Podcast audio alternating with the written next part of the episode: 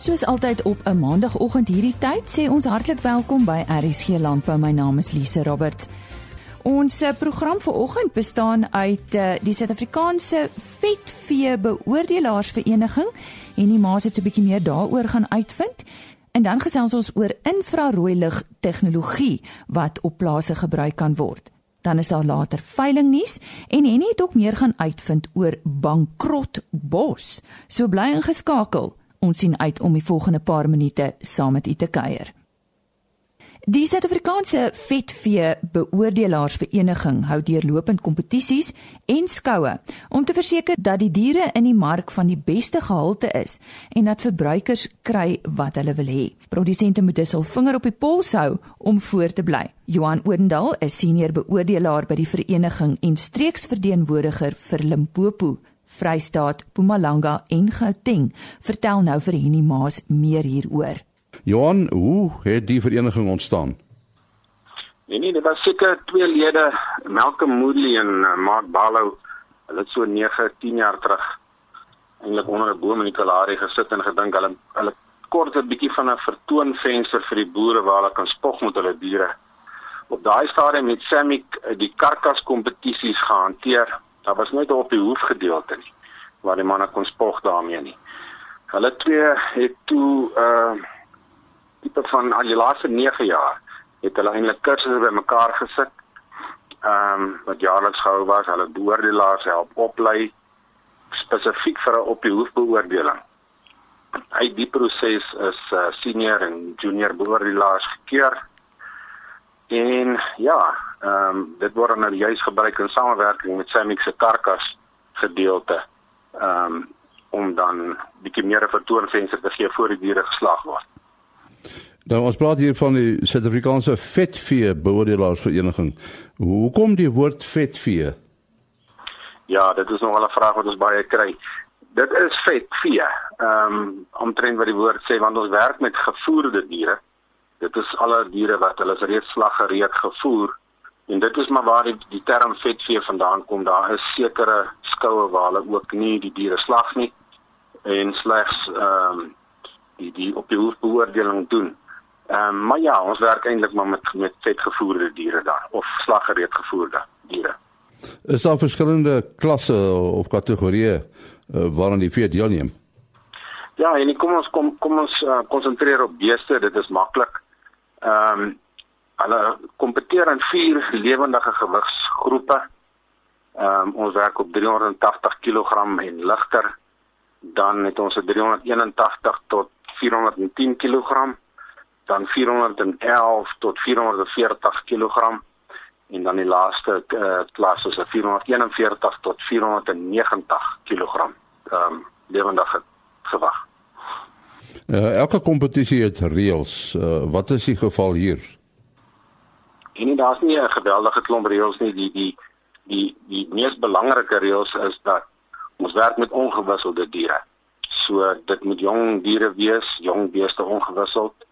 Ehm um, so hulle moet nie horings hê nie. En ons laat boere inskryf met 'n minimum van of nie 'n minimum nie, hulle kan een dier op 'n slag inskryf. Uh gewoonlik in groepe van 4 en ons laat nie toe dat 'n boer of een produsent vir ons meer as 4 groepe inskryf nie. So elke produsent kan 'n maksimum van 16 diere inskryf. Ehm um, ons gebruik dan Samix reels op die lewendige gedeelte wat deurwerk na die karkas toe ten opsigte van die gewigte, die vet en die bouvorm. En dan uh, kies ons uit elke gewigsklas uit twee eerste en 'n tweede plek wat ons dan op die einde van die dag bymekaar sit om uiteindelik 'n wenner te probeer kry. Ons poog ehm um, dat ons dan hier op die hoef die lewendige dier en die karkasdier dieselfde bees moet wees. Dit is nie altyd maklik nie, maar deesdae kry die kry die woord die laaste nogal gereeld reg. En as jy mens nou die vier beoordeel waarna spesifiek kyk julle? En dit is baie belangrik om te weet dat almal moet weet eerstens ons diskrimineer nie tussen rasse nie. Ons moet onthou daar is vandag meer ehm um, verskille binne rasverband as tussen rasse uh, 'n beoordelaar moet ook eintlik vergeet wie hy is, ehm um, wie se beeste hy beoordeel. Hy moet heeltemal uh, neutraal wees. Ons ons probeer om te sien wat is onder die vel. Ehm um, so vir ons is lengte, diepte, breedte ehm um, 'n baie goeie aanduiding. Ons soek so 45% van die gewig voor in die in die bees en dan 55% na agter. Ehm um, ten opsigte van die gewig. Met ander woorde, die meeste vleis moet in die dierder agterkwart gedra word. Vetbedekking is vir ons baie belangrik. Vetdekking moet ewereedig oor die hele bees neergelê wees. amper as ons nou kan dink soos 'n soos as jy die bees in room doop, moet 'n egalige uh neergelegde vet wees. Ons soek omtrent by die mark soek as ideaal van 'n 2 na 'n 2 plus vetbedekking.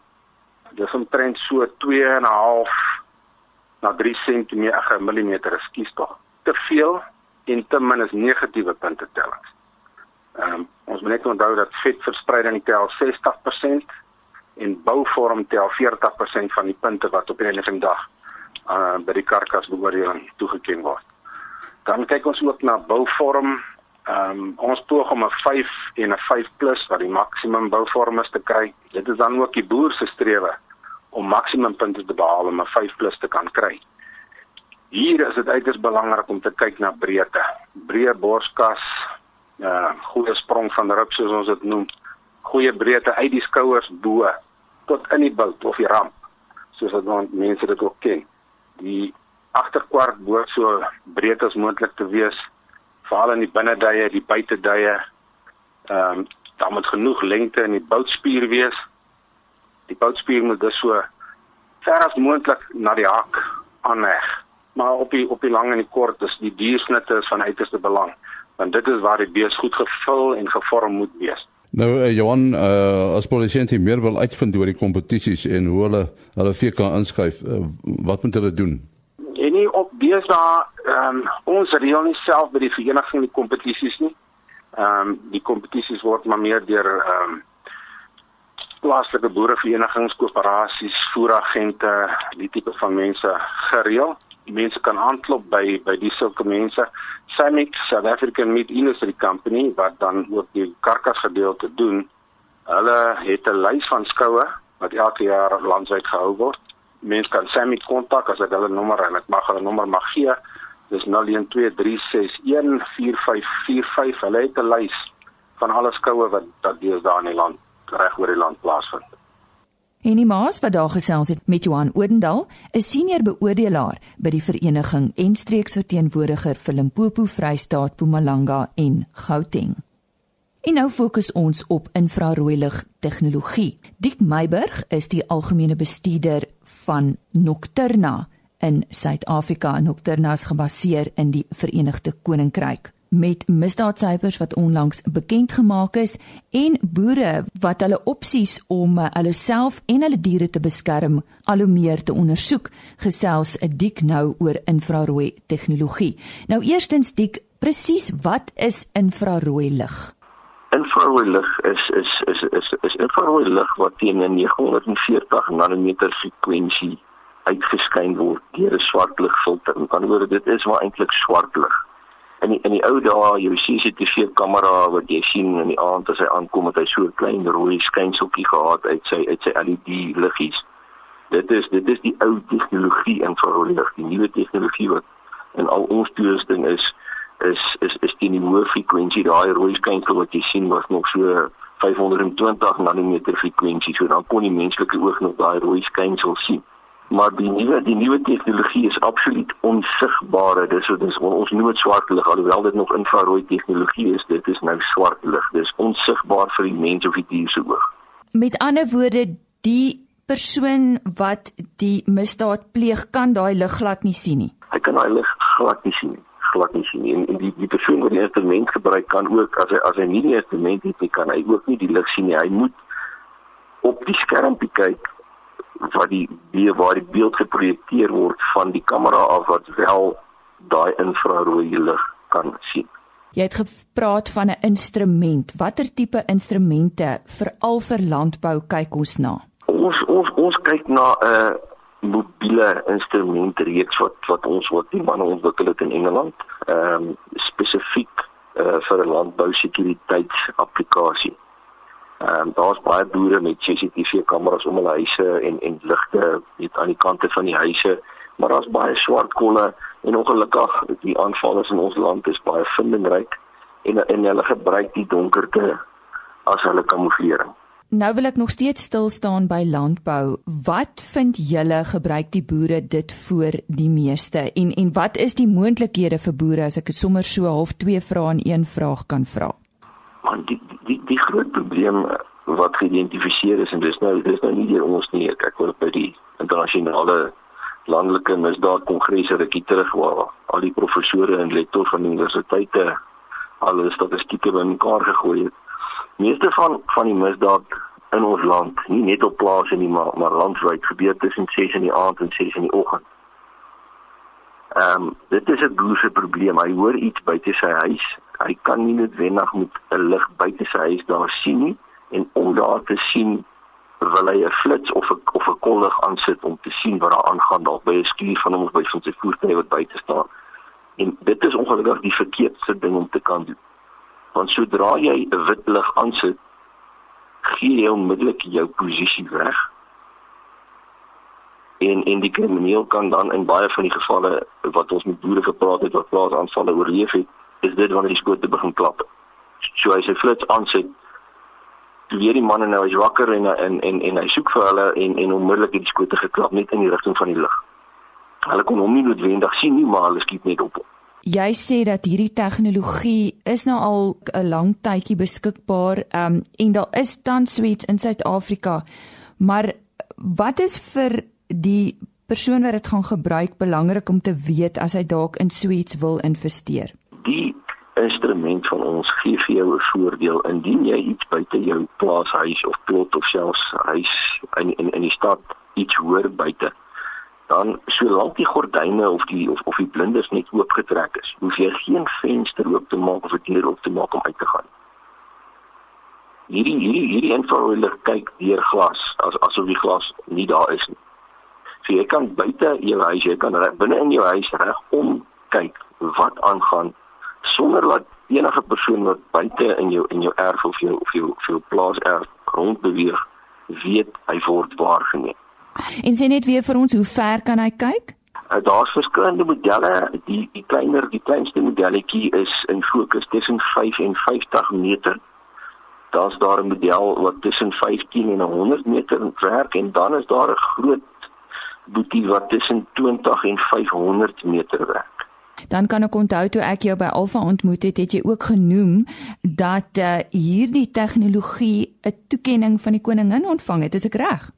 Dit is dit is korrek, inderdaad, inderdaad. Ja, die die die, die manne van uh, die manne van uh, Nocturna het uh, die Queen's Award vir vir internasionale ontwikkeling gewen in 2016. Nou goed, luisteraars kan nou maar 'n pen en papier nader bring of uh, hulle slimfone vir 'n paar notas. Wat is die beste om met julle in verbinding te tree? Dik en ons gesels met Dik Meiburg. Hy is uh, die algemene bestuurder van Nocturna in Suid-Afrika. Wat stel jy voor? Hulle kan vir ons, hulle kan vir ons maar op ons op op ons e-pos uh, kan hulle vir ons kontak uh, op my op my e-pos of op ons of op ons landlyne. Daar is daar is geen pyn nie. Ek kan dit ek kan dit hier gee. Steeg gee vir ons eers die e-pos Dik die e-pos gaan wees uh, dik d i c k m e b u r g h en dan is dit net by die die ertekentjie nocturna uh, dit is 'n o c t i r n a z a c o m. Goed ons herhaal dit net. Dit is dik.meiburg by nocturna www.za.com en 'n telefoonnommer uh, dik? 'n uh, Telefoonnommer uh, Pretoria kode 012 uh, 653 3008. Herhaal net vir ons asseblief.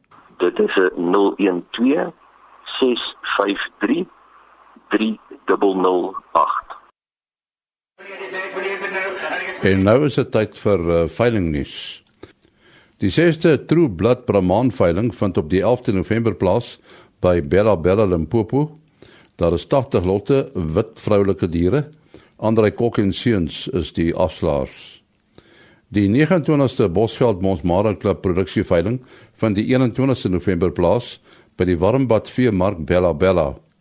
36 bulle SP, 150 kommersiële vroulike diere, 150 Monsmara speenkalvers word opgevuil deur vleissentraal Bella Bella.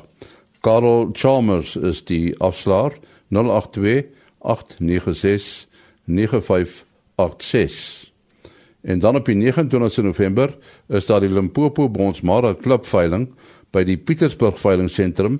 Daar is 15 SP bulle, geselekteerde kommersiële vroulike diere en dit word opgevuil deur Vleissentraal Bosveld. Kryk Leroux is die afslaer 082 808 7747. Tot sover dan veilingnuus. Dit was aan Henny Maas met veilingnuus. Bankrotbos doen letterlik sy naam gestand in heelwat van ons land se provinsies waar hy ook as die Weiveld dief bekend staan.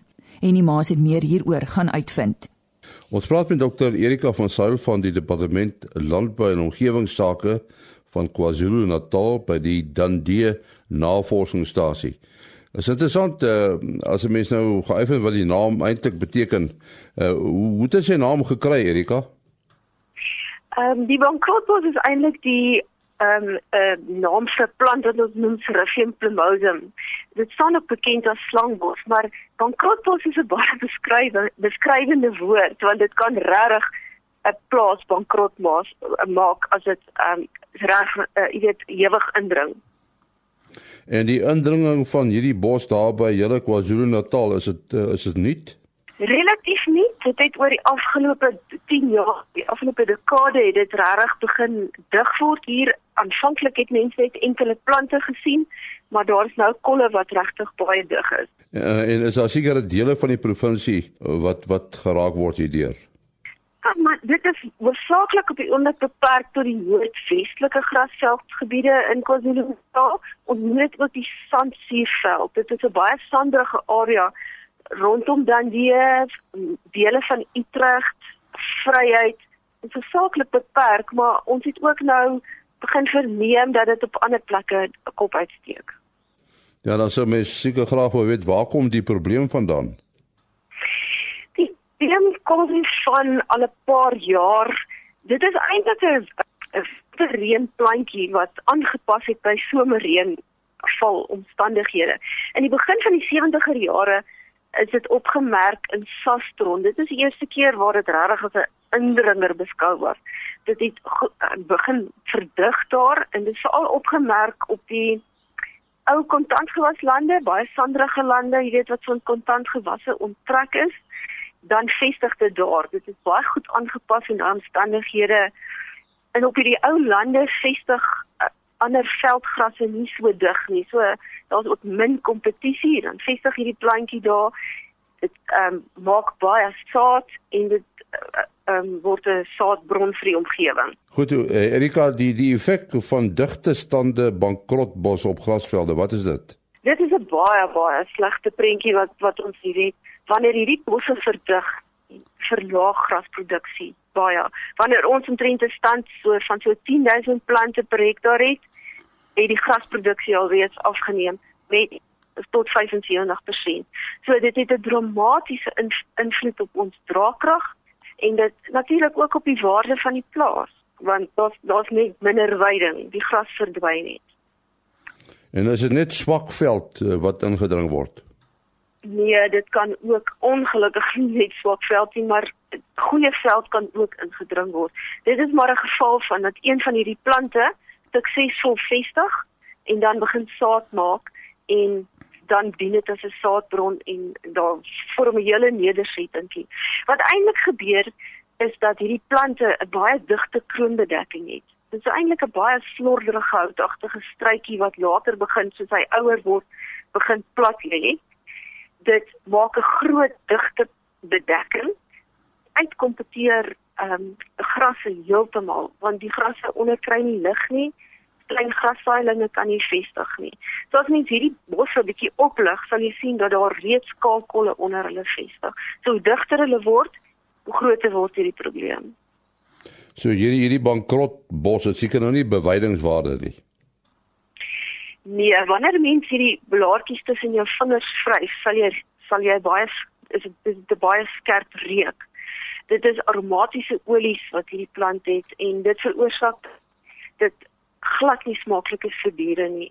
Daar is um sprake dat dit wel deur wild elande bietjie benut word, maar baie regtig nie goed deur vee nie.